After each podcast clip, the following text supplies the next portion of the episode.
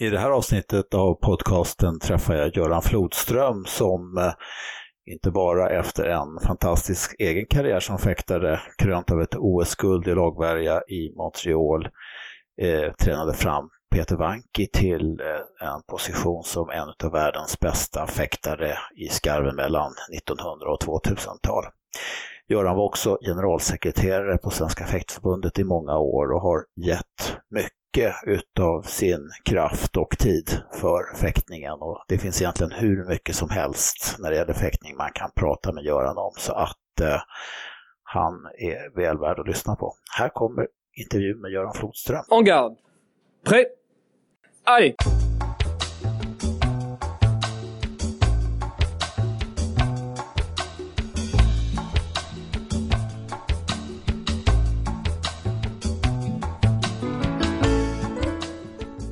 Då säger jag välkommen till Bakom masken på Göran Flodström. Tack. Ja, vad roligt att få dig som gäst i min podcast. Det är roligt att komma hit. Ja, du har aldrig hört min podcast ännu så att vi vet inte om det är roligt eller Nej. inte. Vi hoppas att det ska vara roligt. Göran, du är en person som har haft väldigt stort inflytande och som har ägnat väldigt stora delar av ditt liv åt fäktning. Ja, egentligen nästan hela mitt vuxna liv så har jag ju antingen som aktiv eller som tränare eller som administratör på förbundet eh, fram till för bara några år sedan. Så ja. jag har ju varit väldigt, väldigt engagerad. Men det började en gång för den unge Göran i Umeå, eller? Ja, det började i Umeå. Eh, jag hade en, en lärare som, jag var egentligen simmare och ganska hyfsad ryttare. Eh, och ishockeyspelare och allt möjligt, basketspelare och sådär. Men han tyckte att jag skulle satsa på modern femkamp. Han var själv gammal femkampare. Så då provade jag på det och, och började fäkta eh, för att, för att eh, det ingick ju i modern femkamp. Och sen gick fäktningen så fantastiskt bra väldigt fort. Så att det, det blev det blev det för hela slanten till slut. Hur gammal var du då när det vart fäktning för hela slanten? Ja, man kan säga så här, jag började fäkta när jag var 13.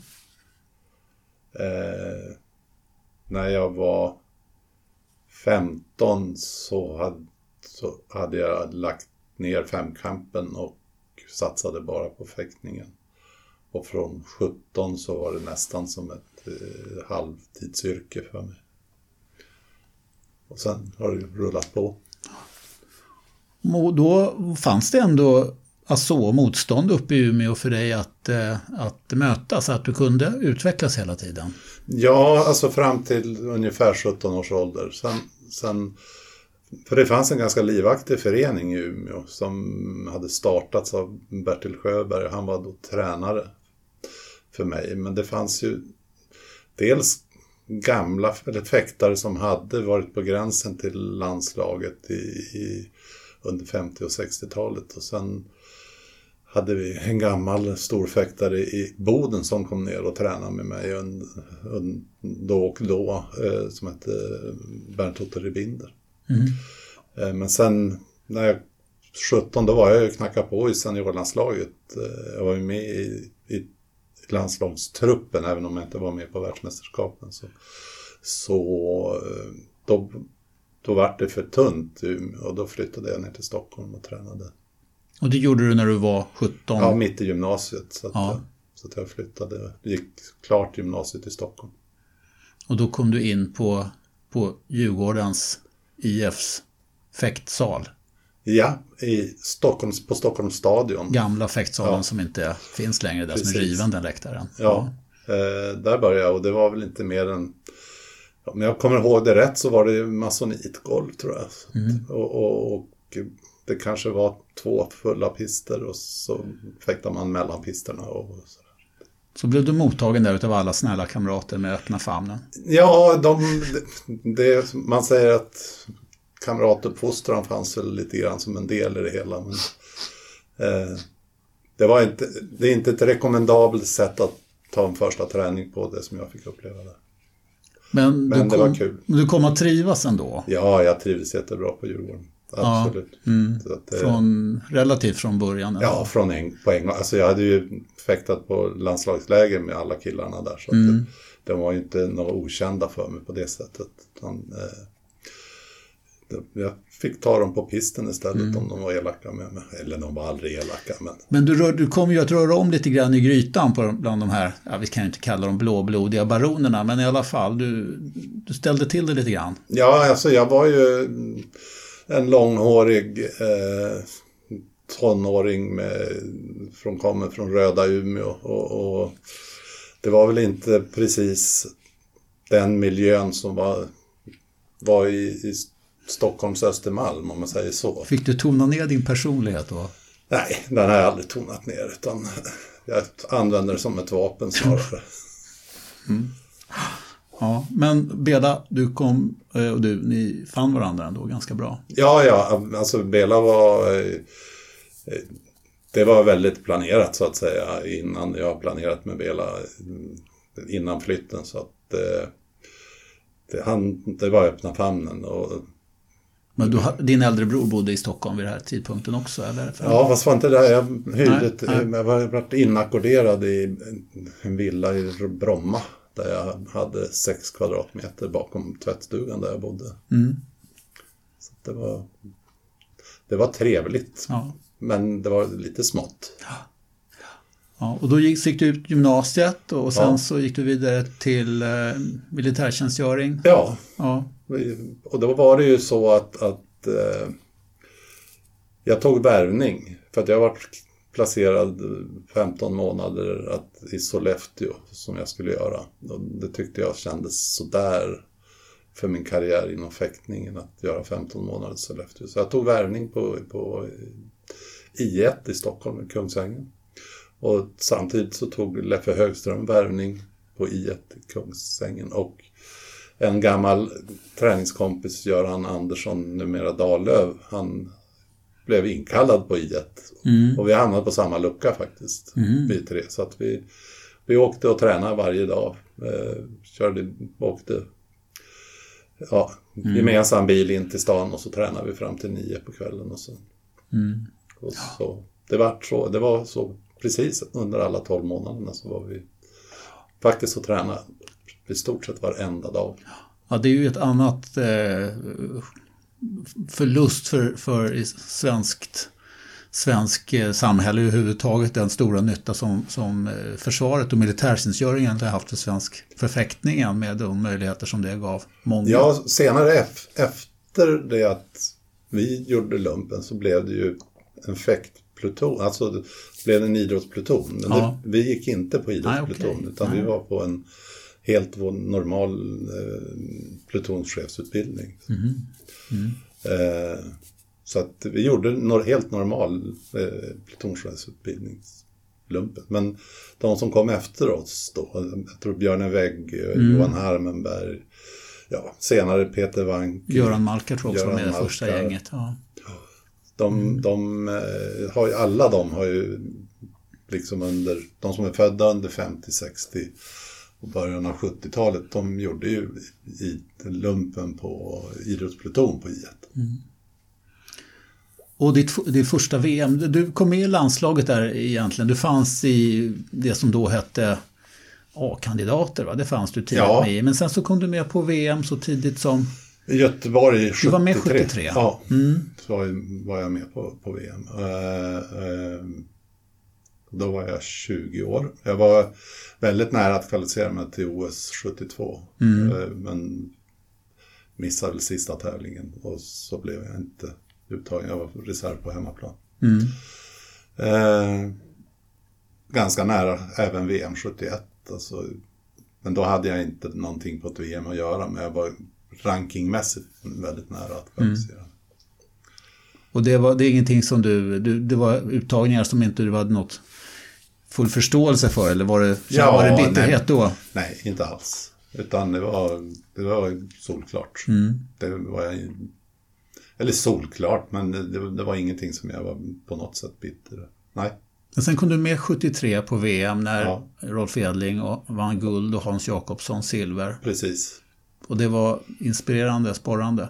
Ja, det är klart det var det. För ni hade väl varit där uppe och nosat på de där medaljerna, men först på det här hemma-VM 73 så slog det till rejält. Ja, alltså individuellt så hade ju både Kalle von Essen, Hasse Jakobsson och, och Roffe tagit medaljer de, under perioden 69 till 72. Inte 72, men 71. Mm. Eh, på, på världsmästerskapen, individuella medaljer. Men, men det var väl första gången på ett världsmästerskap som Roffe vann.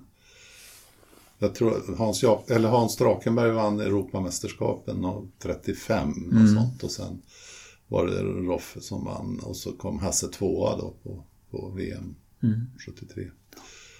Och i laget så blev vi femma om jag inte misstar mig tror jag. Vilket det var en liten besvikelse faktiskt. Vi, mm. vi åkte ut mot Ryssland i kvartsfinal och så mm. vann vi matchen om femte till åttonde plats. Men året därpå? Året därpå så var vi lite mognare eh, och hade den där lilla turen också att Ungern var lite försvagat på grund av en skada. Eh, men där hade vi, men vi, turen förtjänade vi, vi hade jobbat hårt för det. Och, och vi tog chansen när den dök upp så att säga. Och så vann vi överraskande VM 73, 74 mm. ja. i Grenoble. Eh, och sen rullade det på några ja. år. Ja, sen, sen vann vi i liksom i det värsta stället i Budapest 75 då. Mm. Eh, där vi slog bland annat Ungern i semifinalen eh, i en maratonmatch. Den tog tror jag fem timmar att genomföra på grund av alla, allt bråk och sådär. Men det var på något sätt ett det var på något sätt en examen i, i, i elitfäktning att klara av den situationen eh, 75. Och, och, och sen körde vi över Tyskland i finalen i 75. Mm. Eh, och så var det ju OS 76. Där eh, hade vi också Ungern i en dramatisk semifinal där som avgjordes sista sekunden till vår fördel. Ja. Det, det stod verkligen det var verkligen ett examensprov det också. På den här tiden, det var ju ett annat system än nu. Det var inte den här stafett, stafettmodellen Nej. som man har nu på mm. lagtävlingar. Utan det var fyra fäktare, alla mötte alla. Totalt 16 matcher och först till nio matcher vann. Om ja, det inte var några dubbelnederlag. Vilket det kunde vara. Alltså, det kunde bli 3-3 i en match och, och då, då, registrerades det som ett, ett oavgjort resultat helt enkelt. Och då hade man en fäktare som hette Göran Flodström som man gärna kastade in när man just ville ha ett dubbelnederlag mot en stark. Ja, alltså jag var ju bra på att, att eh, bra på att gå upp och fäkta på beställning hur, hur lagledningen ville. Om de tyckte att det var en fördel för oss att få ett, ett oavgjort resultat eller seger mm. så var jag väldigt duktig på att åtminstone fixa oavgjort. Mm. Du var defensiv, minns jag att man talade om och, och Göran Flodström som en defensiv fäktare. Ja, det, det, var jag nog. Det, jag fäktade gärna längst ner på banan så att säga. Det, där, där, det var min, min planhalva så att säga. Och jag använde banan på det sättet jag ville ha den där helt enkelt. Så mm. att, eh, ofta om, om, om jag fick till det på det sättet så, så var jag väldigt svår att slå. Mm, det finns en bra reklambild som du har medverkat på tagen från ena pistens ände med dig som motståndare när du arreterar högt upp i axeln på en anfallande motståndare och så en pratbubbla med ta ett lugnt, ta en toj. Ja. Helt ovetande så jag faktiskt. Jag har inte krävt in någonting av Toy-koncernen för den reklambilden. Nej då. Eh, det var dåligt att göra för den är, den är lite grann nästan så här varu, varumärke för Göran Flodström, så här, ta ett lugnt. Ja, ja jag, jag var väl... Ansågs väl också vara en sån där som inte blev så upphetsad utan kunde hålla nerverna i, i, i schack helt enkelt. Eh, och kunde vara... Ja, det var inte så lätt att psyka mig om jag säger så. Du var paradsäker också vill jag minnas. Jag kommer ihåg vi fäktade som, när jag var liten, grabb och säger nu ska jag sätta fyra stycken sådana här på dig och så gjorde du det. Och du liksom väldig styrka i handleden, handen. Var det styrka eller var det teknik? Ja, det var något teknik. För i grund och botten är jag, har jag aldrig varit någon atletisk, eh, tycker jag själv. Alltså fäktat med styrkan som vapen. Utan jag, där hade jag nog en väldigt snabb sträckning. Eh, och, men sen också en, en, en teknik som gjorde att, att det kändes att det kändes som jag var stark. Men å andra sidan, jag tränade en hel del styrka också. Mm. Men eh, det fanns biffigare fäktare som hade mer tyngd än vad jag hade. Mm. Sen OS i Montreal 1976, du fäktade hela vägen fram till finalen. Ja, jag fäktade faktiskt fantastiskt bra hela vägen fram till... tror jag bara hade en förlust på de mötena vi hade mot Italien, Ryssland och Ungern. Fram till finalen. Just det, det här ungerska lagmötet som slutade 7-6 ja. då.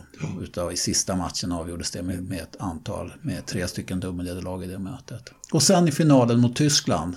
Ja, där skadade jag mig i, i min första match. Så att det var eh, min mage som, som... Jag fick en muskelbristning i magen helt enkelt. Och blev ivägtransporterad till sjukhus och ja. fick inte vara med om, om prisceremonin och nej, sådana saker. Nej, det var lite tråkigt. Mm. Men jag låg ju där på sjukhuset och fick ett meddelande att, att du har blivit olympisk mästare. Det var ju lite mm. speciellt. Ja. Sen efter 1976, vad, vad hände då? Ja, men perfekta VM 77. Som var ju en fantastisk framgång för Sverige. Alltså för där, kom, där vann ju Johan Harmenberg individuellt och Roffe Edling var tvåa individuellt. Och jag tror att Leffe Högström var bland de 16 och jag var bland de 20 bästa eller någonting sånt. Så att, och i, i Hasse Jakobsson var också högt uppe. Och Mm. I lagtävlingen så var vi fullständigt krossade motståndet. Jag tror det sämsta resultatet var 9-3 tror jag. Mm. Som, som vi vann matcherna med. Sen efter det så slutade jag. Då la du av ja, Ja. och eh, reste. Du gav dig iväg ut i, i världen. Ja, jag gjorde väl klar min utbildning på, på Idrottshögskolan. Och sen så ja, får jag iväg och klättra lite grann i Alaska och Colorado och åkte ner till Mexiko. Och så var jag uppe i svenska fjällen väldigt mycket. Samtidigt som jag... Sen, ja, jag hade väl en sväng till Himalaya också. Ja, ja precis. Tänkte jag ska inte nämna att han var i Himalaya också. Ja. Mm. Jo. Mm. Och Alperna. En vinter också. Sen kom du tillbaks en kort sväng inför OS i Moskva 1980. Ja. Och, ja, det gick... Alltså jag började träna i oktober tror jag det var. Eh, och det gick fantastiskt bra så att jag var ju till och med så att jag var uppe i final i, på en världscuptävling i Paris, Monal. Men sen skadade jag mig både i handen och i, i, i ljumsken. Så att då fick jag lägga ner. Du fick avbryta Ja. satsningen på vårkanten där ja, inför Precis. uttagningarna. Ja. Mm. Om du tittar tillbaks, förutom då laggulden med, med landslaget, och vad, vad ser du som dina egna främsta meriter? Alltså fäktmässigt? Ja, fäktmässigt. Jag tänker som, är, som fäktare själv. Ja, alltså jag vann, vann ju en världscuptävling i, i London, Mm. Martini Cup, och vann öppna tyska mästerskapen i Berlin. Eh, och sen har jag då ett antal världscupfinaler. Jag har varit tvåa tror jag i Monall och femma i Monall och varit tvåa i Heidenheim och sådär. Så att eh, det har varit en... Med tanke på att jag var så ung så är det Mm. ganska hyfsade ändå bakom. Mm. Mm. Ja. Och sen med de här då VM och OS-guldet som, som Ja, på precis. topp. Ja. Sen efter 80, då inleddes istället en, en, ledar, en ledarkarriär. Ja, den började nog redan... Alltså, jag började ju som tränare i Umeå direkt efter eh, jag hade gått klart GH. Så att jag var ju tränare då 78, 79 för Umeå fäktning. Och sen gjorde jag den där korta satsningen och sen var jag tillbaka som tränare i Umeå fram till... Mm. Ja. Och där visar väl att jag hade ganska hyfsad koll på tränarskapet. För att det lyckades få både svenska senior och juniormästare i Värja som kom från, från Mm. Umeå då. Mm. Eh, och det tycker jag var ett bra... bra Åke Landfors är som blev svensk mästare. Ja.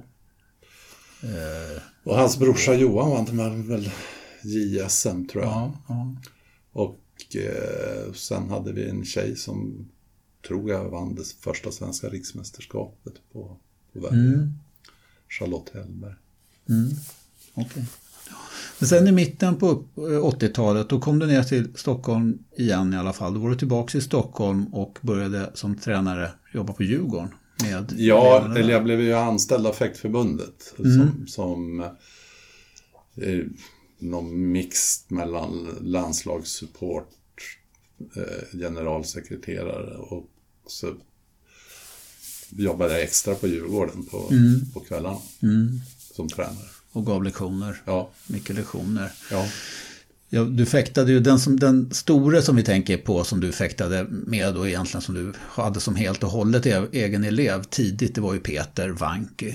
Ja, alltså jag fick ju ta över honom från Bela eh, när han var 17-18 års ålder. Mm. Sånt. Och sen jobbade jag med honom fram från typ, ja vad kan det vara, 70, nej från 87 till 2004. Mm. Så det vart 15, 16, 17 år. Mm. Jag minns ju väl era lektioner som eh, karaktäriserades av en väldigt rörlighet och väldigt långa kraftfulla attacker från Peters sida. Där, där som fäktmästare så tror inte jag att jag har sett så energiska lektioner egentligen utav någon annan fäktmästare som rör sig så mycket och ger fäktaren så enormt långt avstånd att nå fram på. Hur utvecklade du din teknik som fäktmästare? Ja, alltså det är ju mm, genom att studera andra fäkttränare, hur de gör och försöka analysera varför de gör saker. Och med Peter vart det ju lite speciellt för det, Peter hade ju sina styrkor och sina svagheter så att säga. Och det vi försökte jobba, det var ju jobba med hans styrkor och inte jobba med svagheterna så mycket. Utan, så att och hans styrka låg i den här atletiska typen av fäktning helt enkelt. Han var den typen. Som och då försökte vi utveckla det så mycket som möjligt. Och sen du fäktade med, med flera andra på Djurgården också med Ja. Andreas Kertes. Nej, inte Andreas Kertes så mycket. En period så jobbade jag ju med, med Otto Drakenberg en del. Eh, några år. Eh, och sen så... Ja, sen har det ju varit... Robert många- Dingel, Robert numera Ingel, Brolin. ja, och Robert Ingel och Adam Larsson. Och, och ja, ja, det har ju varit många, och sen är det ju ganska många av, damfäktarna som, som alltså Helena Elinder är ju den som Mm. har Helena Elinder som tog en medalj i Essen 93. 93. Ja. Ja, och vart de trea på, på Ja, världsmästerskapet. bronsmedalj på VM Ja, på Värja, damvärja. Mm. Jättefin prestation. Helena som kom från Ängby fäktklubb hade en jättefin florettbakgrund med sig in och sen kom hon över till Djurgården och började lektionera med dig och Ja. blev eh, VM-medaljör. Ja, och, och kvalificerade sig till OS 96, vilket ju var en eh, väldig prestation. För Ja. det var ju, som alla vet, är väldigt trångt att komma Mm, med till ett olympiskt spel då, från 96 och framåt. Ja, precis. Där hon vann en match och kom. Ja. Ja, någonstans Mm. 20 mm. runt 20 plats. Helena Elinder, numera Vi Elinder. Ja, Ja, och sen du har ju jobbat också för Svenska fäktförbundet ja, och varit ledare på, det vågar vi inte ens räkna efter, hur många VM och junior-VM, är det är ingen idé, vi försöker. men det är ganska mycket, man säger, eh, det, har, det, är, det är inte 100 VM och JVM, men, men det är mer än 10 om jag säger så. Eh, vad, vad, som ledare, vad tycker du är viktigt? Både, om jag tänker både som, som fäktmästare, var du inne på det lite grann, att man jobbar med styrkorna, men, men också som ledare rent allmänt. Vad har varit ledstjärnan för dig? Ja, alltså när det gäller personlig hållning så, så tycker jag då att alltså man, man ska inte göra avkall på sig själv som ledare på något sätt utan man ska försöka vara den människa man är i, även i sitt ledarskap. Så inte försöka bända och vrida på sin egen karaktär för att passa in i ledarrollen utan försöka vara naturlig i sitt sätt. Och, jag har alltid gillat kunskapsbaserat ledarskap. Eh, jag tycker att jag kan jobba själv med det på ett bra sätt. Att eh, inte försöka vara ledare med, genom att bara vara auktoritär utan ha kunskap bakom det jag framför så att säga. Jag vill, vill ha genomfört. Vilket eh, gjort att jag kanske har förberett mig ganska ordentligt när det gäller åsikter eh, eller hur man ska gå vidare. Sådär. Pierre Tullberg som är generalsekreterare i Svenska fäktförbundet idag, han hänvisar ju ofta till dig att när han har kluriga problem så ringer han till Göran Flodström och diskuterar saken. Har, har du blivit lite grann en klurig gubbe? ja, ja, men det är det har varit sedan jag var 22 år. Ja. Nej, men det är klart att jag har en, en, ganska stor erfarenhet av det mesta som händer inom fäktningen, både på den administrativa, administrativa sidan, eh, vad det gäller idrottsliga träning, upplägg, planering, hur man jobbar med målsättningar. Och, det har jag ju en ganska bred erfarenhet av. Och, och det är bara roligt om jag kan vara ett stöd. Jag, jag har den åsikten, jag tycker att de som tar över, de ska ta över. Jag ska inte in och, och du har backat ut, ja. lägga pekpinnar. Men däremot om de ringer och vill ha ett stöd så jag, försöker jag vara så öppen som möjligt och så behjälplig som möjligt.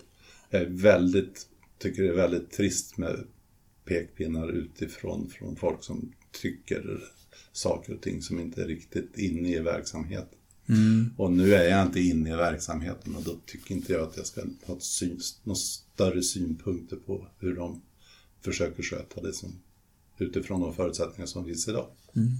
Men, och ändå den positionen som du hade på Svenska Fäktförbundet så fick du ju en, också en väldigt inblick i överhuvudtaget hur svensk idrott sköts inom RF och vad som Absolut. gäller i, inom olika idrotter. Tycker du att fäktningen, hade vi förmåga att hänga med? Har, har vi hängt med? Har vi haft förmåga, jag tänker träningsmässigt och, och eller sitter vi fast i någon sorts ja, gamla tror, strukturer?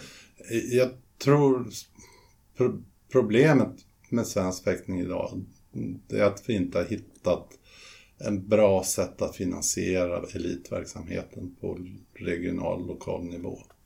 Eh, för det är där det det stora arbetet för, med elitfäktning görs på klubben.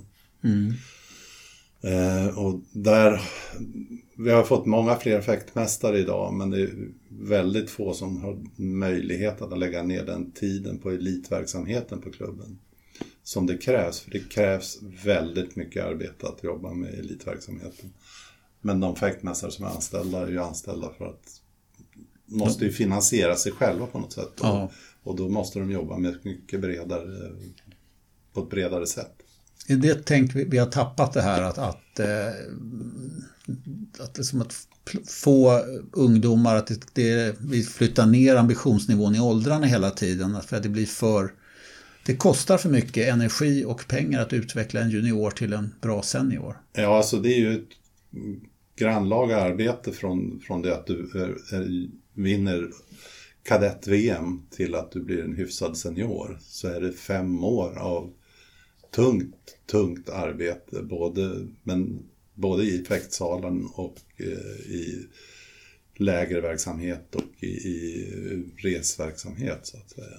Och där man måste ha tålamod både som tränare och, och eh, som, som fäktare. Att låta de här fem, sex åren av tung träning ge resultat. Så det, det, är väldigt sällan att det kommer. Det är en oerhörd skillnad att fäkta kadett och seniorverksamhet. Har vi varit och är vi tillräckligt tydliga med, med unga fäktare på väg upp med det idag? Vi talar ibland om, om som man ser vägen framför sig. Förstår de det här? Ja, jag tror nog att, att de förstår, men har de, finns, har vi, ger vi dem möjligheten? Det krävs pengar, det krävs ett underlag, man måste ha ett liv bakom Ja. också med studier och Ja. med en fungerande tillvaro. Det är där svårigheterna är, tror jag. Att, erbjuda dem det som krävs för att ta sig från kadett till senior. Det, krävs, det krävs också av, av föreningarna att de kan frigöra den tiden för sina tränare. Att ta sig an den uppgiften. För, det, för att om du ska ha ett stall med tre, fyra, fem seniorer som är på hög internationell nivå så är det ett heltidsarbete i sig. Något råd där till en eh, ordförande, till en fäktklubbsordförande och till en styrelse? Vad, Jag tror faktiskt att det är samma problem som nästan hela svensk idrott står under. Att, att vi har en organisationsform i föreningarna som inte genererar tillräckligt med pengar. Vi måste på något sätt öka intäkterna för föreningarna så att de kan frigöra medel för, för anställda tränare helt enkelt. Samtidigt så har vi ju i Sverige en stor grupp med, med, människ- eller med unga människor som måste få en vettig sysselsättning i Ja. tillvaron och där idrotten kan göra en fantastisk och som inte kanske har de här familjerna själva inte har de ekonomiska resurserna. Är det ett, Ja, alltså jag jobbar ju idag eh, som, som eh, ja, ska man säga, typ kanslichef på, på en fotbollsförening eh, i Skellefteå då, som, som har 650 licensierade spelare. Eh, Vi har två seniorlag och vi har 35 ungdomslag i olika serier. Eh, 250 ideella ledare som är ute. Och vi omsätter 8 miljoner ungefär i föreningen. Eh, men där är det ju liksom finansieringsfrågan är hela tiden den återkommande problematiken. Vi måste hitta nya vägar att få in pengar för att kunna göra de ledarutvecklingsprogram som, som, som vi har ställt framför oss och kunna ta hand om ungdomarna på ett bättre... Vi måste tänka lite annorlunda, tänka, tänka annorlunda än vad som traditionellt har varit organisationsform. några eh, infallsvinklar där som du kan dela med dig av till fäktsporten? Ja, alltså de, de är ju organiserade egentligen diametralt motsatt. För där jobbar man, I fotbollen så jobbar man med, med föräldraledare från första... Från, från det att de är sex år till att de är 15 så är det egentligen föräldrar i laget som på något sätt tar hand om träning och man erbjuder dem utbildning att vidareutvecklas som tränare. Och så försvinner de när, när sonen eller dottern slutar spela fotboll. Så att, och egentligen då när de skulle vara som bäst att kunna ta hand om en ny grupp mm så försvinner de bort då. Så att, eh, medan i fäktning så har man egentligen ingen, eller väldigt lite föräldratränarskap så att säga. Jag, jag tror att man kan plocka idéer från, men man kan inte kopiera. Nej. Nej, fäktningen är ju ett högt innehåll utav eh, en på en. Eh, En tränare, en elev också. Det är ju svårt Ja. att kopiera in. Ja, alltså, det är ju så traditionellt vi har tänkt. Eh, så det finns ju, kan ju finnas eh, andra sätt att jobba med, med det här som jag själv inte har någon erfarenhet av. Men jag, jag vet ju att det har funnits gruppmodeller där, där man har haft tränat folk på ett ganska bra sätt i, i större grupper på ett annorlunda sätt.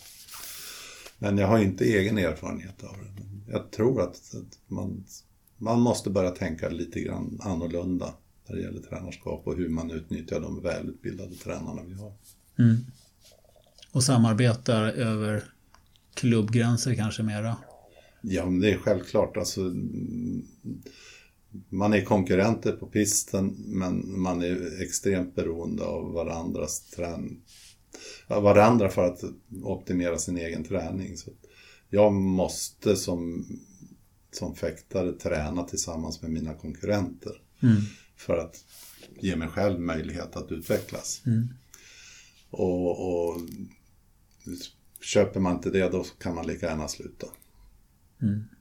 Hur ska en, en byter ämne lite grann, hur ska en fäktare vara? Jag tänkte nu lite grann också på som fäktare, man måste träna med sina konkurrenter och man måste också liksom matchas hårt mot sina konkurrenter Ja. på träning och liksom stötas. Ja. Inte bara stöta på varandra utan också stötas mot varandra lite grann. Ja, Eh, är fäktare, är det själviska typer? Nej, inte fäktare generellt, men, men det är klart att alla elitidrottsmän och kvinnor har mm, speciell...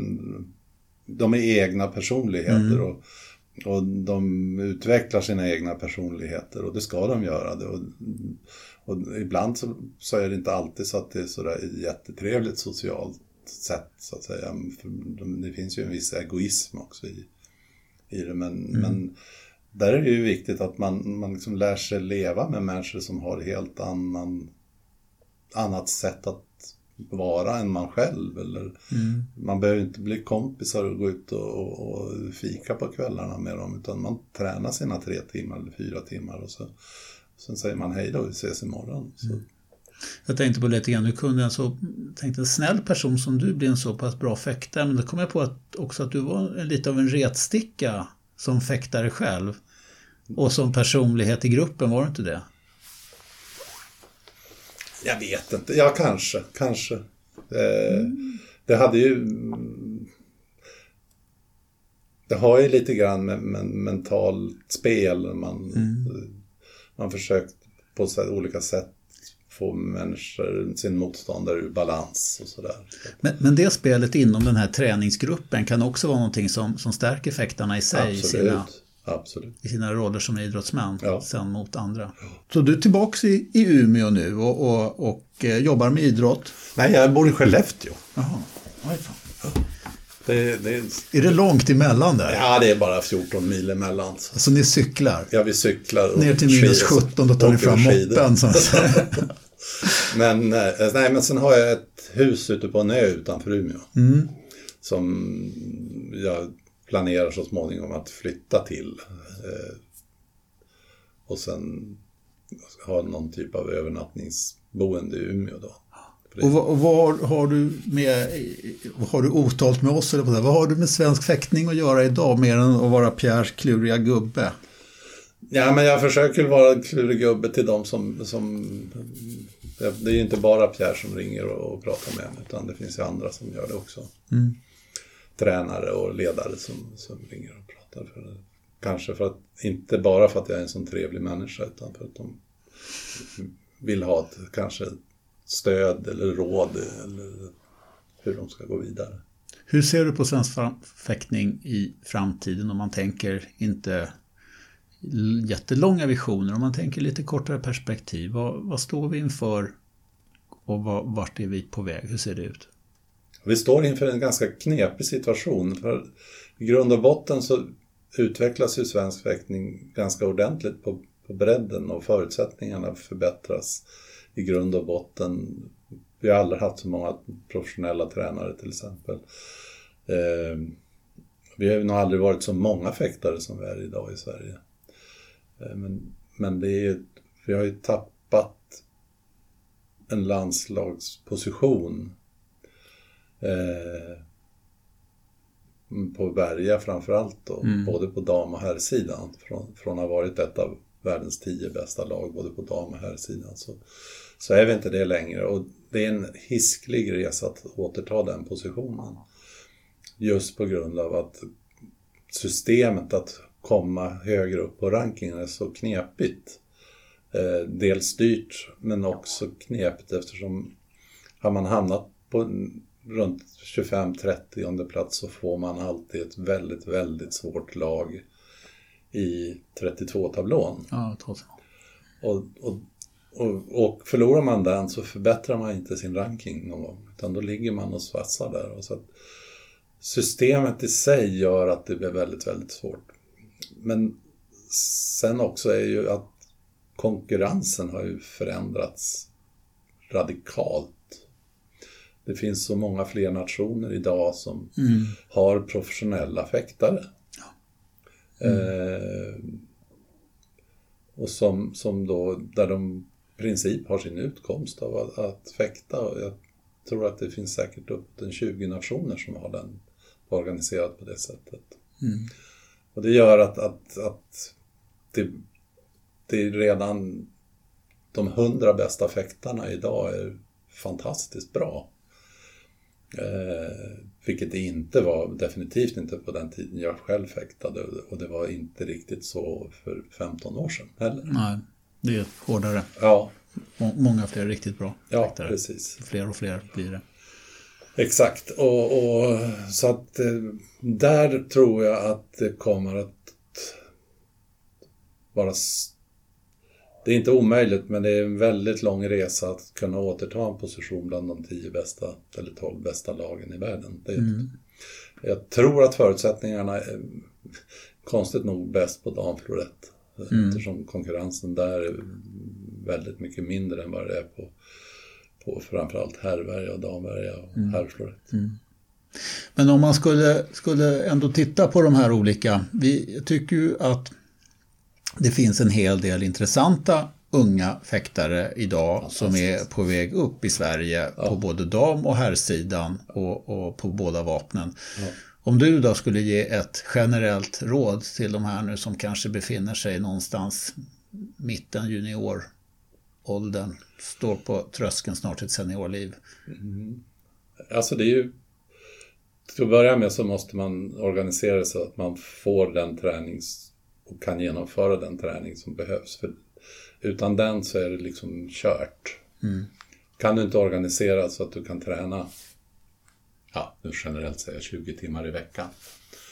Där du får kvalificerad stöd i din träning under den här tiden. Både när det gäller lektionsgivning, styrketräning, var mental träning, hela den biten under perioden du är, låt säga 17 till 22, så kommer du få jätte, jättesvårt att, att, eh, att nå målet att bli senior, en, en världsfäktare på seniorsidan.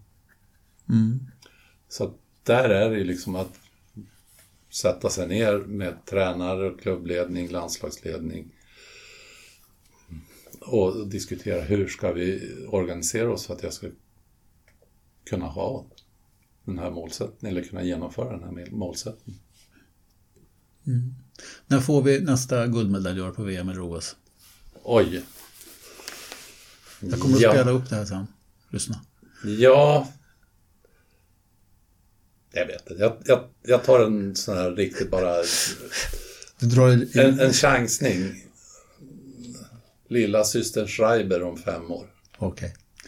Göran, det var jättekul faktiskt. Jag skulle nästan kunna köra en podcastavsnitt till, bara rakt av. Men eh, hjärtligt tack för den här gången, så får vi se.